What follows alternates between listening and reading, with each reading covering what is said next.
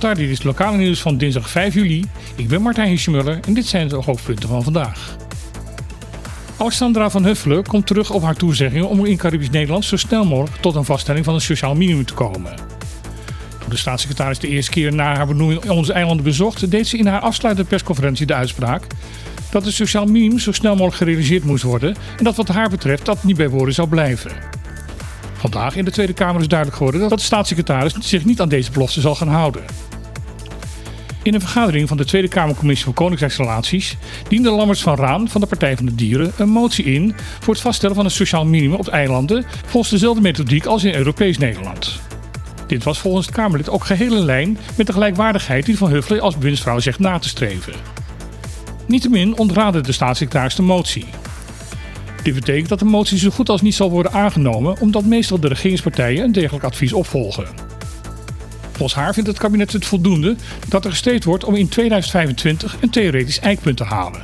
Dit eikpunt werd ook al gehanteerd door de voorgaande kabinetten en ligt ongeveer 25% onder het bedrag dat volgens diverse onderzoeken echt nodig is om fatsoenlijk leven te kunnen leiden in Caribisch Nederland.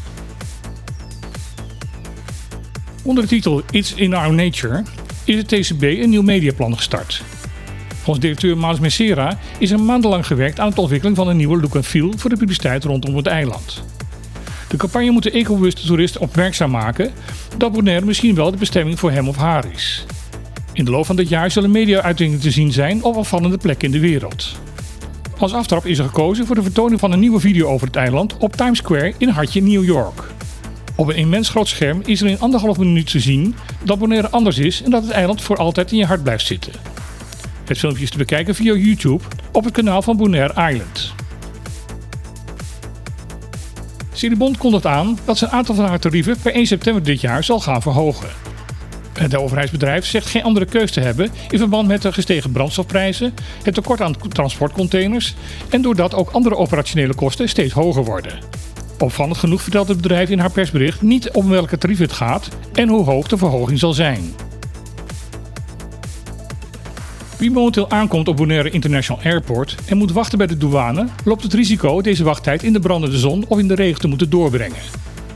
Dit komt omdat de overkapping waaronder men zou kunnen schuilen erg kort is en nog berekend is op een verleden waar het nog niet zo druk was op het vliegveld. Interdirecteur Jos Hille heeft nu aangekondigd dat dit binnenkort gaat veranderen. Er komt een extra overkapping bij van 40 meter lang en 4,5 meter breed.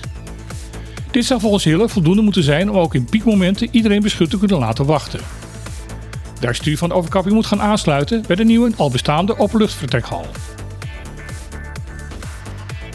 Dutch Caribbean Nature Alliance heeft aan de bezoeks van staatssecretaris Van Huffelen aan Bonaire gebruik gemaakt om stevig aan de bel te trekken.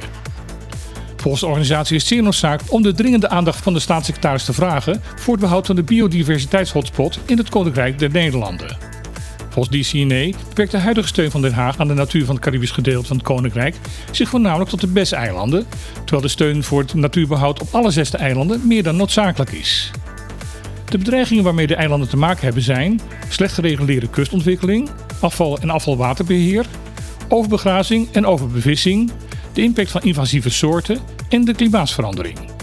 Allemaal onderwerpen die een gezamenlijke aanpak noodzakelijk maken. DCNA zegt dat het gesprek met de staatssecretaris constructief is geweest. Dit was het nieuws van vandaag. Of er morgen en overmorgen bulletin zal zijn, is nog niet helemaal duidelijk. Dus in elk geval tot snel.